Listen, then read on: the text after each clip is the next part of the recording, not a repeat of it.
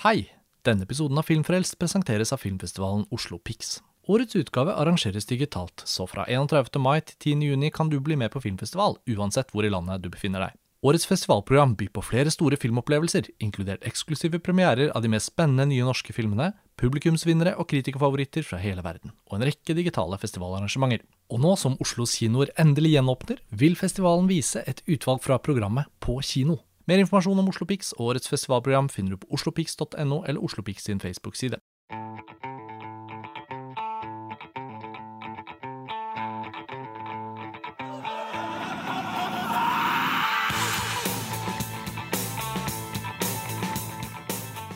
Hei og velkommen til en ny episode av Filmfrelst, podkasten fra filmtidsskriftet montasj.no.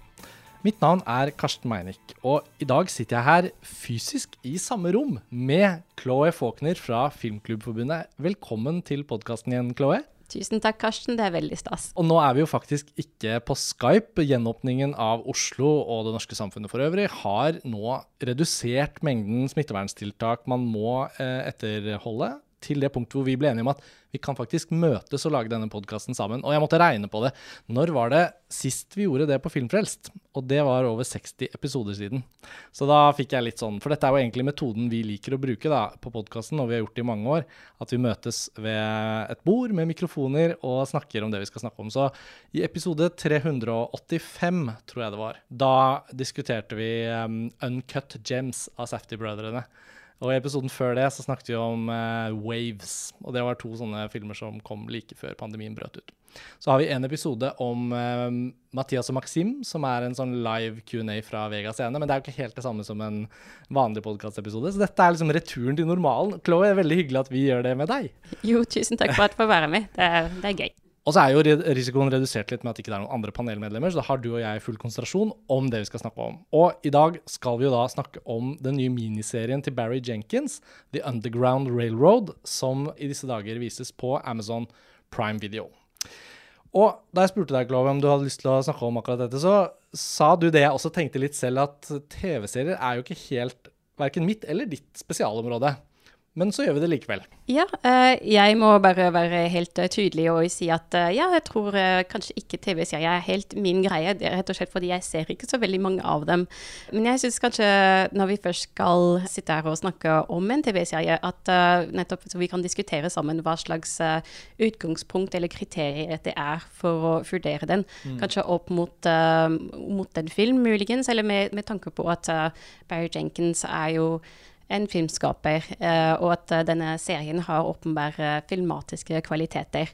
Så jeg syns egentlig det er litt interessant å se på noen av de grepene som blir gjort i den serien, eh, som hører til på en måte i TV-serieformatet, sånn mm. fortellermessig og sånt, som kanskje ikke har vært hjemme i en film, en langfilm.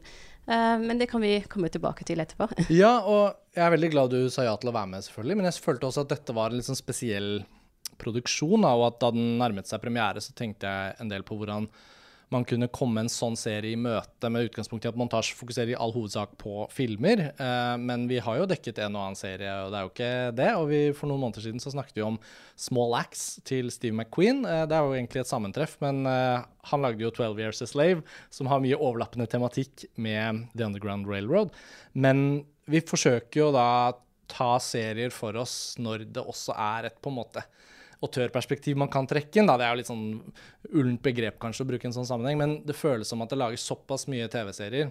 Og hvis man skal ta for seg alt og alle aspektene ved hele den fortellerformen, så må man på en måte ta veldig mange hensyn.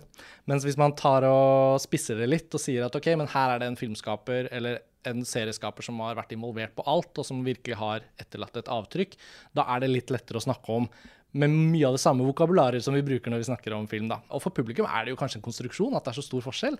Jeg tror veldig mange som ser film og TV nå, ser jo på en måte en serie, og så glir de over til en film. Og, så, og under pandemien så har det jo vært et enda mye større forbruk. Så alt i alt så kanskje det ikke blir så annerledes som vi nødvendigvis tror, da. Men vi får kanskje starte litt med Barry Jenkins her. Uh, han er jo en filmskaper som mange ble kjent med da han fikk sitt gjennombrudd med 'Moonlight'. En film som var en liten independent som ble stor, og som til slutt vant Oscar for beste film. I hvert fall da de til slutt leste opp riktig tittel på, eh, på, det kortet. Og noen år før det så hadde han faktisk debutert med en bitte, bitte liten independent som heter Medicine for Melancholy, eh, som jeg har sett, men som er veldig vanskelig å få tak i. Man må bestille en eh, out of print amerikansk DVD osv. Men etter Moonlight så regisserte han også If Beale Street Could Talk, og nå The Underground Railroad. Skal vi bare først si litt om Jenkins? Altså, Chloé, for deg, hva slags forhold har du til han etter de filmene han har laget? Ja, jeg er veldig glad i Barry Jenkins som filmskaper. Eh, jeg har sett eh, både 'Moonlight' og 'If Beale Street Could Talk'. Og jeg er egentlig veldig glad i, 'If Beale Street Could Talk' uh, særlig. Um, jeg tror at det som kjennetegner han, som gjør at jeg, setter veldig pris på de filmene, det er at han er jo en estetiker. Altså, det er jo Han er han har en sånn evne til å hente inn eh, formgrep fra bl.a. Eh, melodrama, og ha en sånn slags sånn ekspressivitet liksom i bildet, i foto, i eh, lyd og musikk, eh, som gjør at han, han, konstruerer sånne utrolig flotte visuelle tablåer, eh, som er veldig sånn Det er bare helt nydelig å se en sånn Barry Jenkins-film. Og man tar liksom sjelden feil på at det er en Barry Jenkins-film. Altså, og han er jo bl.a. inspirert av filmskapere som Wong Kar-wai. Altså, man ser veldig mange likhetstrekk på en måte bruken av farge. Ja. Men det er det at han ikke bare lager sånne flotte tablåer for å lage pene bilder. Det er jo at det alltid er knyttet opp mot eh, en sånn en sterk historie. En, eh, altså, han er flink til å lage sånn, eh, sånn sterke sånn uh, lage sånn emosjonell sinnsstemning som gjør at vi, vi, blir dratt inn, engasjert i det som skjer, i de altså, historier som blir fortalt. Uh, altså I uh, 'Moonlight' så var jo, var jo, dette den unge gutten sine, sin vanskelige oppvekst. Uh, det handlet om klasseforskjeller det var jo det, altså, og vanskeligheten med å komme ut som skeiv. Og så i 'If Bill Street Could Talk', som er en filmatisering av en roman av James Baldwin, så har vi denne historien om et ungt afroamerikansk par eh, som bodde bor i USA på 50-tallet. Som bare egentlig bare prøver å gjøre sitt beste for å leve et godt liv, eh, skape et liv sammen, men som gang på gang blir møtt med eh, diskriminering og rasisme. Og jeg syns det som er så rørende um, altså det, 'Moonlight' er veldig rørende, men jeg blir så veldig truffet av Beale Street. Det er jo på en måte en sånn film som sørger over alt som kunne ha vært. Altså alt det tapt tapte potensialet uh, i uh, alle de afroamerikanske liv uh, som ble ødelagt av rasisme og diskriminering. så det er veldig sterke historier, og, og, det er jo derfor veldig spennende og interessant når en sånn filmskap som Barry Jenkins da lager en serie om slaveri. da. Ja, fordi det er jo en progresjon i de fortellingene han har tatt for seg, som egentlig går litt sånn baklengs. da. Hvis vi skal ta med 'Medicine for Melancholy', som er en kontemporær liten kjærlighetshistorie. To mennesker som møtes og over et døgn eller to på en måte blir kjent med hverandre og utforsker liksom det romantiske potensialet i å ha møtt hverandre. Men den har også en sånn tristesse over seg. Og så er jo 'Moonlight' også på en måte en kontemporær film etter hvert, men den har jo også Man, man hopper liksom frem i livet til hovedpersonen, da. Så den starter jo i nær fortid. Og så har vi Beale Street Could Talk, som går enda litt mer tilbake i tid den holder tak i mye av tematikken fra Moonlight, føler jeg. Men uh, noe av det jeg alltid reagerte litt på med Moonlight og bøssen rundt den, var jo at den i bunn og grunn var noen små sånne novellefilmaktige kapitler som begrenset den litt fra å utforske bredden i all den tematikken den touchet på. da. Men den holdt jo fokuset veldig på han hovedpersonen etter hvert som han ble leder. og sånn, så, så, det er ikke noe vanskelig å se at den fenget mange. Men det vi får se av Jenkins i Beale Street Could Talk, var jo også en mye større historieforteller, rett og slett. At han, han evnet helt åpenbart å holde i veldig mange tråder, og likevel innenfor spillefilmformatet. da.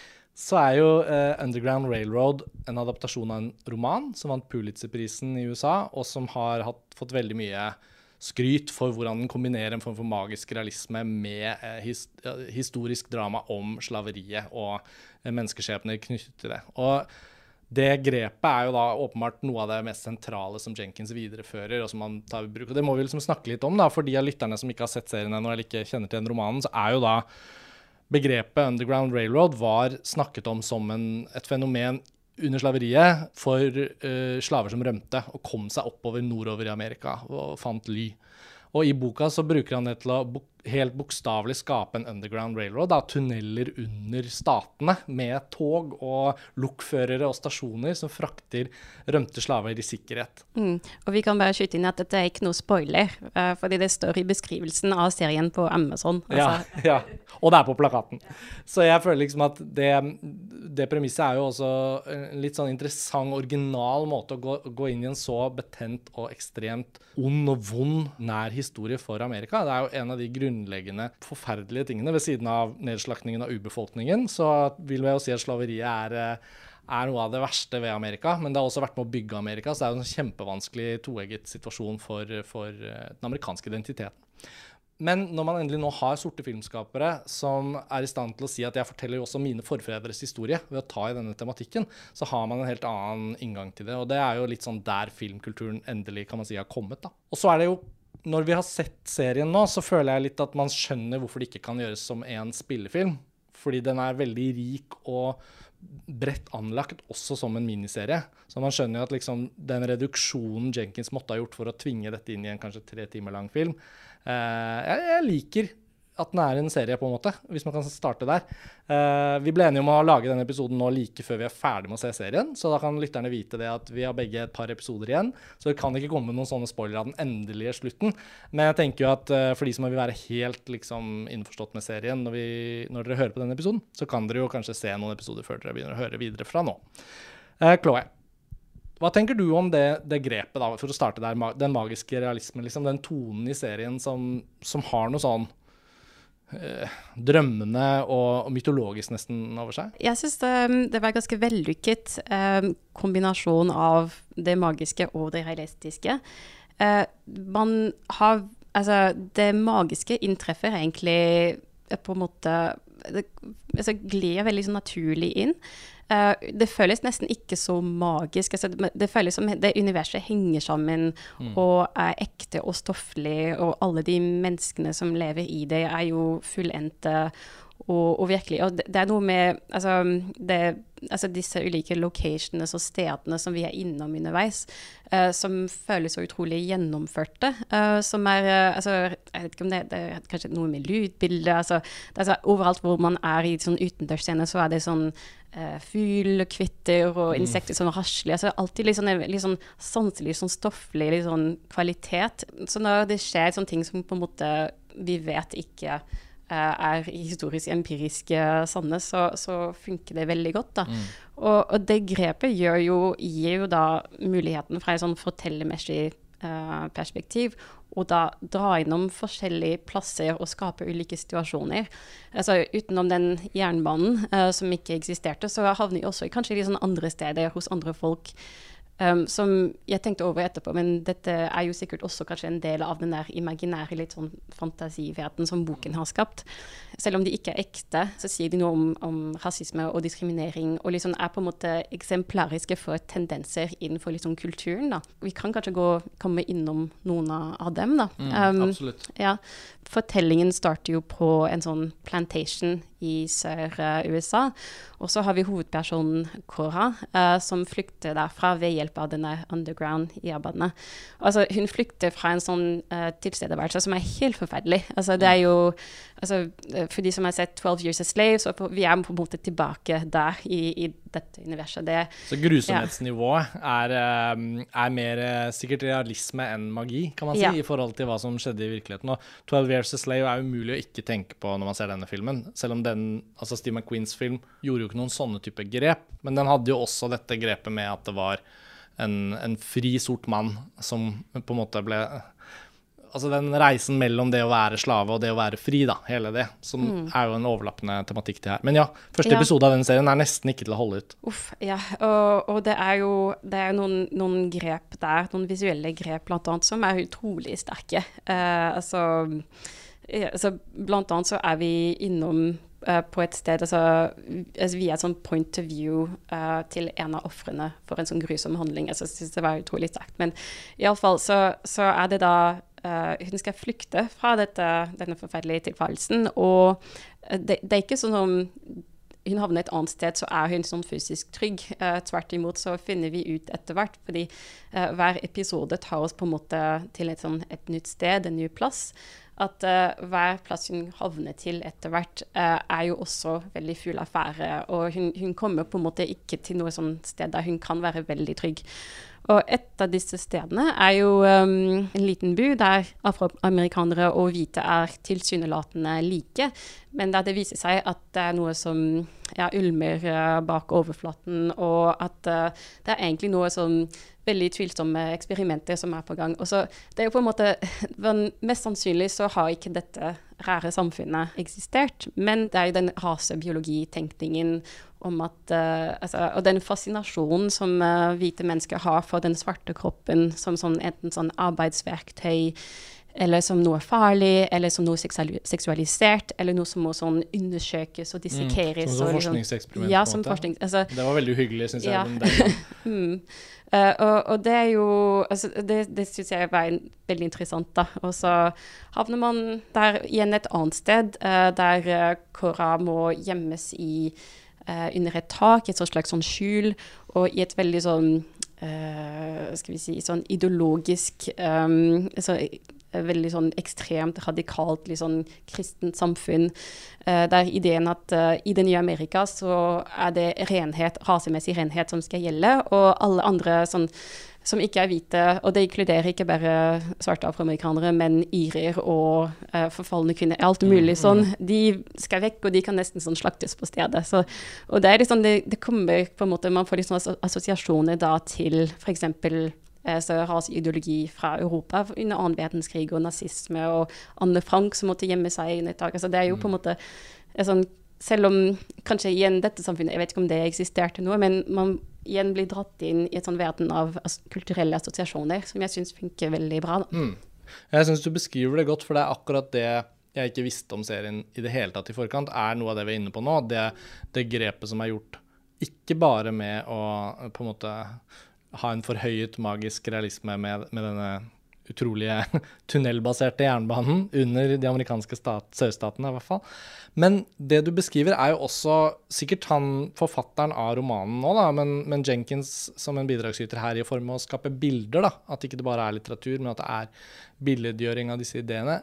handler jo om å trekke inn og skape bånd mellom noen av de nærmest sånn mytefortellingene. Da. Anne Frank og hennes dagbok er jo en sann historie, men det er også blitt en markør for alle de som gjemte seg på et loft, på en måte. ikke sant? Og, og det å se denne typen undertrykkelse og disse ideene, alle disse som skrives inn i ondskapens liksom, historiebok, de hører sammen. Og jeg liker hvordan serien klarer å si at slaveriet slik det eksisterte, konseptet om å rømme for et bedre liv, hva du rømmer fra, hva som innhenter deg, alle de tingene er jo ikke bare relevant for eksplisitt historien om slaveriet, men jeg føler at Jenkins ønsker å på en måte gjøre det også til noe som kan oppfattes og settes i sammenheng med andre situasjoner rundt omkring i verden. Om det er fra historien, nær historie, eldre historie eller nyere tid. Og jeg syns ikke det fins noen sånn veldig konkret flyktningallegori her som blir sånn on the nose.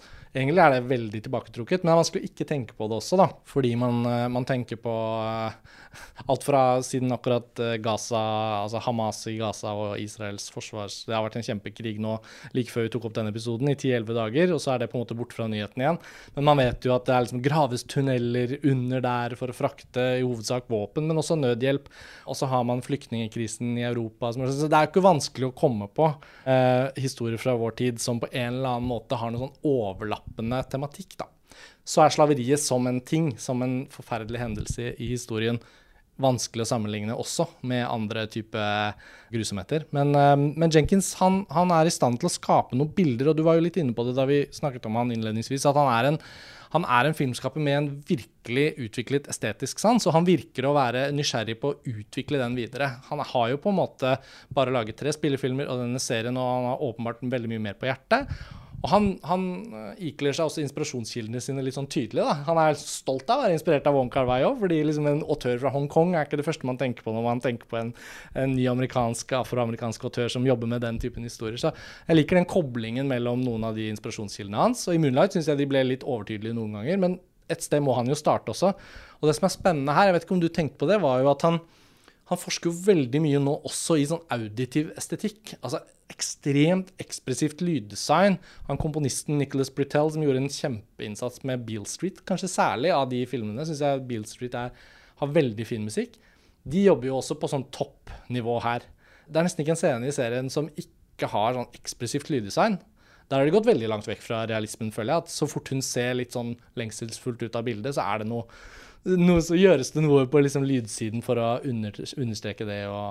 det ja, den magiske realismen er også dratt over i sånn marerittaktig drømmeunivers jevnt og trutt gjennom serien, på en måte som gjør at man heller ikke helt vet hvor man har den. Følte du det? At, at den, den, er kanskje litt forutsigbar fordi man skjønner at kapitlene er litt sånn OK, nå skal hun videre dit, nå skal hun videre dit. Men så skjer det jo også ganske mye som ikke var så lett å forutse, da.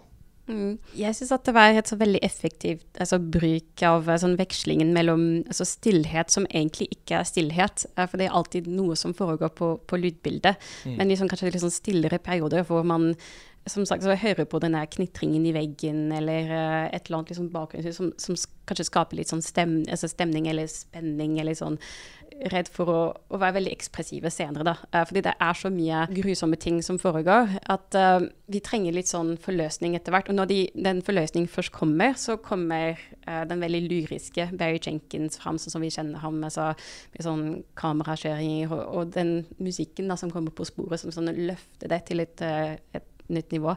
Så sånn den, jeg synes de, de, er flinke til å ja, veksle mellom altså det å, å holde liksom lydnivå på et sånn veldig sånn minimalt nivå, da, men samtidig så gå over eh, og skape et sånn stort emosjonelt øyeblikk når det trengs. da. Ja, og noen steder så er det så enkelt som at Cora, som vi nevnte her, hovedpersonen i fortellingen, hun er jo på en sånn Hun rømmer, men hun, hun rømmer både fysisk, uten å komme til et trygt sted, men hun rømmer jo også fra en følelse av et sort hull inni henne på en måte, som hun ikke klarer å fylle, fordi vi får vite at moren hennes har rømt først, uh, noen år før, uten henne. Så hun har på en måte et, et sinne og et savn etter moren, uh, som er veldig sånn uttalt, men som ligger og kverner under. Og så rømmer hun jo med en annen, Cæsar og Lovey. Hun rømmer jo med tre. Og det er på en måte noe med de andres skjebner underveis blir også veldig relevante for hvordan hun hele tiden har det. Så ved å følge henne som en veldig definert hovedperson, så syns jeg også at de formgrepene Jenkins, lyddesigneren, komponisten gjør, de er hele tiden med på å liksom holde oss klar over og var på at hennes emosjonelle tilstand er, er, eller aldri avklart. I hvert fall ikke til dit vi har kommet i serien. Da. Ja, og, og der syns jeg at uh, vi må si at uh, skuespillerprestasjonen uh, til Tuso Mbedu som Kora er jo helt fantastisk. Og, og Cæsar som spilles av Aaron Pierre, altså, synes, og, og, flere andre i serien òg. Altså, de, de, er jo ut, utrolig gode til å la uh, indre tanker og refleksjoner og konflikter skinne gjennom, uh, egentlig uten at uh, det trengs så veldig mye forklarende dialog. Og um, det er der jeg syns egentlig serien fungerer best. Det er noen øyeblikk hvor det kanskje sånn, noen karakterer blir, blir mer sånn forsøk på å gi litt, sånn, litt mer sånn bakgrunn og litt sånn psykolog psykologisering og sånn. Um, jeg tror kanskje sånn Det er ikke nødvendigvis det Barry Jenkins er best på. Nei. Nei, han er veldig god til å nettopp liksom uh, bare la skuespillerne altså, uttrykke disse følelsene og å la, la, det skinne gjennom og skape stemninger, rett og slett. Mm. Som gjør at det blir det emosjonelle impaktet på oss for, som skuespiller blir desto større. Ja, jeg er veldig enig med deg om akkurat det, fordi det er jo en serie jeg syns er veldig bra. Den gjør åpenbart veldig inntrykk, fordi den bruker jo også voldsomme virkemidler på å etablere grusomhetene da, i starten. Det blir på en måte nesten for mye, men så kan man ikke si det heller, fordi vi vet at det er sant. ikke sant? Da, men der serien får en svakhet, så handler det ikke om at det blir direkte dårlig. Det bare handler om at det du beskriver nå, er hans styrke. Jeg er helt enig med deg. Men på et eller annet plan så må han også bare bli en vanlig fyr som lager en vanlig TV-serie. Og det er der eh, det blir litt sånn ordinært. Og da blir forskjellen så stor, når han har briljert og skapt stemninger som nesten varer i hele episoder. Altså det er jo Noen av episodene er så stemningsbaserte at det nesten ikke skjer noen ting annet enn bare å være i det. Og da føler man at man ser på et, en film. Hvis vi skal være fordomsfulle og si at det er film som kan være det. Men, men det, vi, det, vi, mener, er vel at serien kanskje har litt store kontraster mellom når den er litt sånn i hermetegn vanlig uh, seriebasert fortelling, hvor uh, du følger noen linjer i løpet av en episode, og så liksom blir de noenlunde avsluttet, og så går hovedpersonen videre, på en måte, og så kommer det noen nye karakterer i neste. Sånn sett så er jo dette blitt veldig sånn seriekonvensjonelt. Men i store deler av The Underground Railroad så er jo Jenkins ute og lager kunstfilm. Og det er jo påfallende uh, mye mer spennende. Mm. Og det er også noe med at det er der han river seg litt løs fra konvensjonene som tilhører fiksjonsberetninger om slaveriet. Fordi man kan jo gjøre, si hva man vil om historiske filmer, men i mange av filmene som har blitt laget om slaveri, altså enten om det er fortellinger satt i én plantasje, eller større fortellinger om liksom hele Eller noen som rømmer, eller Django and Chain til og med, til Quentin Tarantino, som er jo en veldig sånn spesiell behandling av det. Så er det likevel noe med at uh, Jenkins får mest gjort sitt eget ut av dette materialet når han drar det lengst mulig eh, i den styrken han har, som du satte så fint ord på. Så, så det er jo partier av The Underground Railroad hvor dette er en veldig sånn litt traust, vanlig TV-serie også. Ja, altså, jeg, eh, jeg, har lyst til at vi skal snakke om alt det fine med den serien, men jeg syns vi må måtte bare nevne det også. At, eh, mm. Og det, det, henger også sammen med den grunnen til at jeg irriterer meg ofte over TV-serier og kanskje ikke orker å se så mange. Og, og, det er jo kanskje ikke nødvendigvis tilfellet akkurat her, men det er jo den sedvanlige liksom, fenomenet når man kommer kanskje sånn fire-fem episoder inn, og så føler man at uh, nå kommer det bare noen ting som skal på en måte fremskynde handlingen videre, eller det er en eller annen form for det jeg vil kalle staffasje. så, mm. så, så, vi må komme mm. oss videre. Og, og her syns jeg at det var kanskje sånn en sånn episode der uh, det føltes som om uh, Er det virkelig nødvendig å å gå tilbake i tid og undersøke psykologien til han ene slavejegeren. Fordi det er jo Antagonisten ja, i serien. Ja. Vi, vi, nevnte ikke han, men uh, det er jo en Joel som, Edgerton som spiller ja, han, er veldig mm, bra. Han, han er veldig bra, ja. Selv om han får noen litt lange monologer som han tygger på på sånn typisk Russell Crowe-aktig vis. Jeg tenker, jeg tenker, ofte på sånne australske skuespillere som både skal skjule aksent, men også er kjempegode skuespillere, og som ofte får litt sånne uh, gnarly roller. Um, der minnet han litt om en sånn Russell Crowe som jobber med fire sider tekst tekst og liksom tygger seg gjennom det. Men i all hovedsak bra prestert i rollen som Arnold Ridgway. Absolutt. Slavejegeren som jakter på kåra. Ja, og mm. som er en, eh, en, en veldig altså, fascinerende skikkelse og veldig sånn spennende antagonist for Kora, egentlig. Um, men det, det, det, er kanskje noe med altså, Jeg vet ikke om jeg vil kalle den episoden staffasje nødvendigvis, men, fordi det kunne vært selvfølgelig veldig sånn, interessant å bli kjent med ham og hans bakgrunn, men jeg følte at det ble sånn slags sånn unødvendig uh, dypdykk i hans syke, som egentlig tonalt krasjer litt med resten av eh, serien, i den grad at de andre characters som vi har vært borti, kanskje ikke blir så veldig sånn altså, psykologisk undersøkt. Altså, som, som vi, mm. altså, det skinner gjennom, men liksom, de trenger ikke å, å få det liksom overforklart nødvendigvis hva de tenker til enhver tid. Og, og jeg synes derfor det blir litt rart at, vi, at, det skal vies så mye plass til ham. Men det er jo også interessant med den episoden, fordi han gjør jo der et ganske sånn tydelig valg med å ikke eh, på en måte veve inn bakgrunnsfortellingen til Arnold Ridgway gjennom serien, spredt utover flere episoder, men han plasserer det i en sånn helt sånn enkeltstående episode.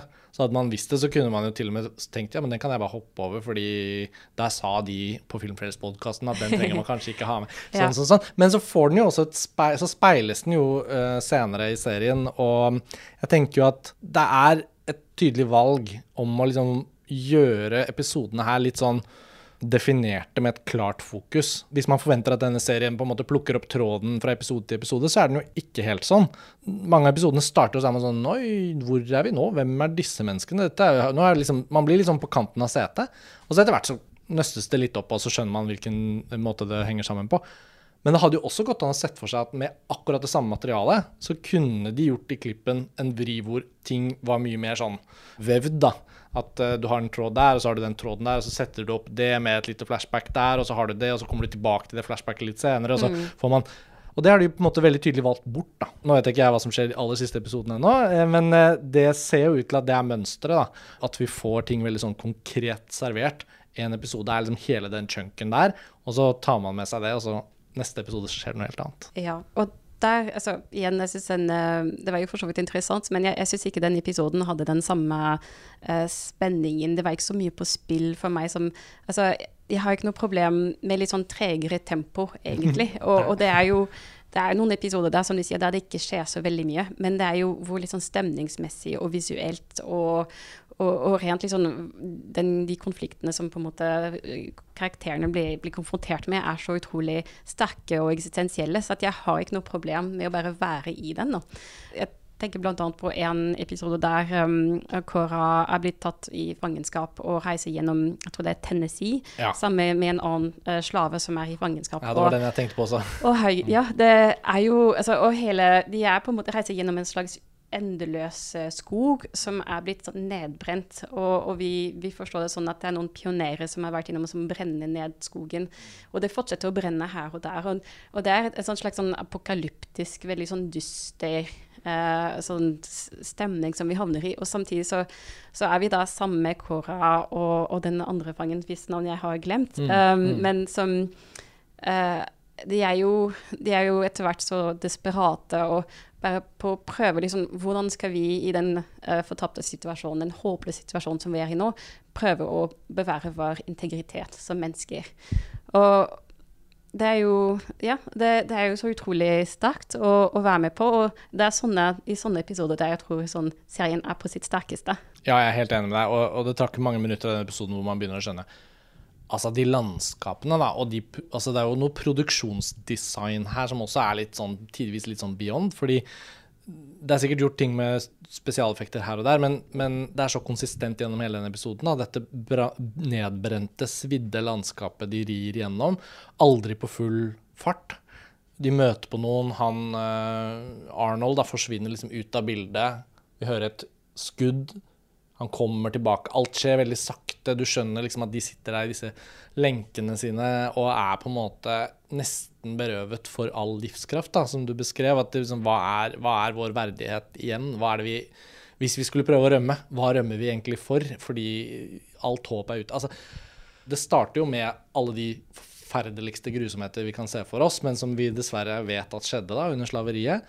Og så er den ondskapen som skildres i den episoden vi snakker om nå, av en helt annen art. For det er den derre Det er som et sånt nedslitt sinn helt til slutt, på slutten av en pandemi, som nesten ikke har troen på at noe kommer til å bli normalt igjen. Nei, men altså, det er virkelig en fin episode, og man skulle det er vanskelig å se for seg at serien hadde klart å holde en sånn stemning gjennom ti episoder, for da skrur folk av. Så den kommer jo litt sånn på rett sted. At den, at den liksom sniker seg inn som en sånn trojansk hest. At mange tilskuere liksom, som skal se en mer konvensjonell serie og er engasjert, får plutselig servert en sånn skikkelig seig, men veldig bra episode. Ja, jeg, vil ha, jeg vil bare ha det, jeg. ja, det er morsomt. Jeg vil ikke ha noe handling, eller sikkert bare Nei. gi meg sånn ti episoder med det. Det er jo et veldig bra poeng, og det er jo også spennende, fordi der bruker ikke Jenkins av liksom Von Carvaien sin, eller ikke sant. Der er, nå er han over i noe helt annet, ikke sant. Nå er det jo liksom nesten over i noe mer litt sånn russisk, kan man si det sånn, uten å name-droppe noen av de aller største. Men det er i hvert fall veldig flott å se at Jenkins som filmskaper, da, i den grad at vi skal fortsette å glede oss til nye spennende ting han kommer med. Og da tenker jeg ikke på 'Løvenes konge 2', som han har sagt ja til å lage for Disney, men andre ting han får lyst til å lage etter det. Så tenker jeg at han har noe kraft i seg som gjør at jeg føler han er en filmskaper som har sine beste filmer i vente.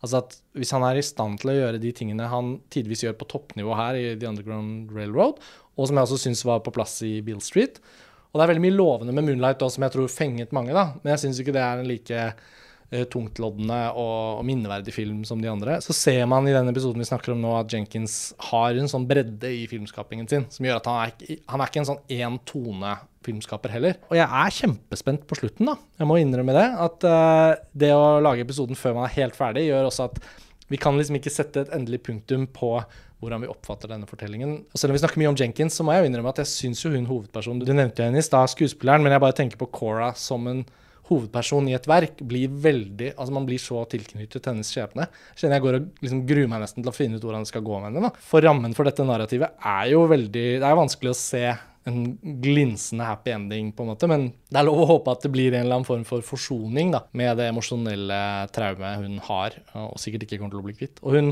Tuso Mbetu, som har fått hovedrollen her, er jo faktisk en sørafrikansk skuespiller. Et uh, talent som Jeg leste litt om henne, at hun har på en måte vært sånn veldig lovende i Sør-Afrika, men også gått på teaterskole i New York et år for ti år siden. Og liksom det hun bringer her, det minner jo litt om Lupita Nyong'o, da, som var, er jo kenyansk i utgangspunktet, og som ble oppdaget, eh, og særlig fikk sitt gjennombrudd med 12 Years a Slave. Og, og det føles veldig viktig at det er et ukjent fjes. Uh, helt sånn uflidd, men et ansikt som har liksom tusen stemninger, tusen fortellinger på forskjellig vis i løpet av serien. Så det føltes verdt å trekke fram at hun virkelig er oppdagelsen her, da. Uh, og en annen vi ikke har nevnt, som vi må nesten nevne, er fotografen, da. James Laxton. Som har jobbet med Jenkins på alle filmene. Det er eh, kanskje ikke skutt på 35 mm og sånn, men det er veldig mye bra arbeid fra fotografens side. Og hans arbeid blir bare kjedelig i de stedene hvor serien blir litt kjedelig. Når det er litt sånn interiørt dialog, skudd mot skudd, hvor de skal snakke seg gjennom noe plott. Men i all hovedsak så får han jo virkelig flekset flekset det han har å by på, da. Mm. Det er disse utendørsscenene og den lyssettingen eller sånn måten eh, Det kommer jo sånn eh, altså tåke liksom krypende inn i den skogen. Altså, mm. det, det, det, er jo, han, det er jo den der magiske, det magiske aspekt som kommer fram liksom, veldig sterkt i foto-ord. Mm. Uh, som på en måte løfter handlingen opp på et, et, et litt annet plan. Da. Uh, ja, så jeg er enig. Fotoet er, er, veldig bra. Mm. Men uh, ja, jeg er jo um, også litt spent på hvor handlingen går videre. Det er jo det der at vi har jo vært innom disse forskjellige plassene sammen med Kåra og fått oppleve litt sånn disse ulike aspektene ved sånn slaveri og rasisme på USA på 1800-tallet, så er vi Det er jo det der Hvor skal dette her lande? Altså, det er jo noe uforenlig med det der traumet ved, ved, slaveri. Det, er sånn, det kom, går ikke an på en måte sånn, å finne noe, sånn, noe ro, noe trygghet noe sted. Virker det sånn, da? Så, men eh, jeg er veldig spent på hvor serien lander sånn sett. Hva, mm. hva slags svar får vi på det, da? Jeg tenker litt på 12 Years a Slave fordi den historien om han så han vet hva friheten er, og den fortellingen hans blir på en måte gripende også fordi at han, han har en eller annen retning. Og det vanskelige for Cora i denne fortellingen, der vi er nå i hvert fall, føler jeg er jo at hun har en sånn insisterende trang til å rømme og overleve. Men det føles veldig uvisst hva hun ønsker seg til. Og det er jo det som kanskje fungerer også fint med den kapittelinndelte episodiske fortellingen, er at hun, hun møter jo på mange ulike skjebner for andre som har rømt, eller andre som lever et liv i Amerika som sorte amerikaner. Men hun ser jo også at det er ikke noe sånn en, to streker under dette svaret, og hva nå enn hun søker seg mot, så føles det gang på gang at hun blir påminnet om at det er ikke noe lettere der, mm. nødvendigvis. da.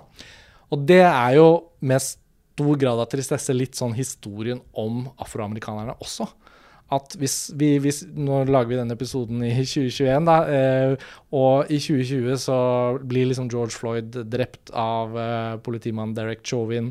Det som blir snakket om gang på gang på gang på gang, er jo hvor seiglivet den arven av rasisme og undertrykkelse er i det amerikanske samfunnet. Mm. Og da føler jeg jo liksom at Jenkins har Han har på en måte behov for å han snakket litt om det i et intervju. Jeg hørte at han, han ønsker liksom å skape noen bilder.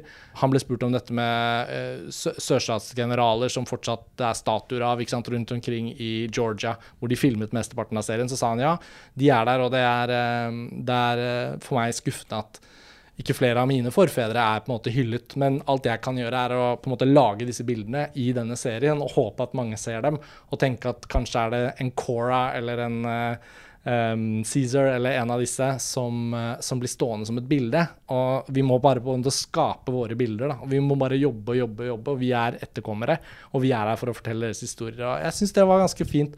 Det var et intervju på NPR um, Jeg tror den heter Hva heter den, da? Ja. En podkast fra NPR, i hvert fall, hvor uh, intervjuet til Barry Jenkins uh, ligger. Men Chloé, det bringer oss jo litt sånn til For vi kan ikke snakke om det vi ikke har sett. Vi har noen episoder igjen av serien, men men det føltes som en verdifull serie å få trukket fram litt i dette møtepunktet da, mellom film og TV som vi begynte å snakke om. Går det lenge til du skal se en TV-serie igjen nå, eller? Det blir nok det, ja. nå går vi inn i sommeren. Oslos kinosaler er åpnet igjen. Dere i Filmklubbforbundet får sikkert økt aktivitet nå, i hvert fall etter fellesferien. Ja, det gleder vi oss til. ja. Er det noe annet i vente nå som du gleder deg ekstra til, da? Oslo Pix? Ja, jeg gleder meg til um, um, The World to Come, uh, som jeg fikk strålende kritikk i Venezia. Ja, ja. Den uh, går på Oslo Pix, og jeg gleder meg til. Og så um, en amerikansk indie-film Nå husker jeg ikke helt tittelen. Uh, 'Never Sometimes Rarely Always'. Kanskje ja. ikke helt i den rekkefølgen. Det, ja. det, kan ikke være noen annen film enn den du tenker på, i hvert fall. ja. Jeg vet ikke om du har sett den, men uh, også hørt at uh, mye fint om den kvinnelige mm. regissør, indie-filmskaper. Uh, fikk veldig god kritikk i Sundance. Mm. Så, veldig bra. Mm. Veldig verdt å se. Nei, men eh, det er straks festivaltid i Oslo, og det blir faktisk kinovisninger i tillegg til det digitale programmet. Så det, det blir veldig stas. Takk for at du tok deg tiden til en TV-serie og til en podkastepisode om den.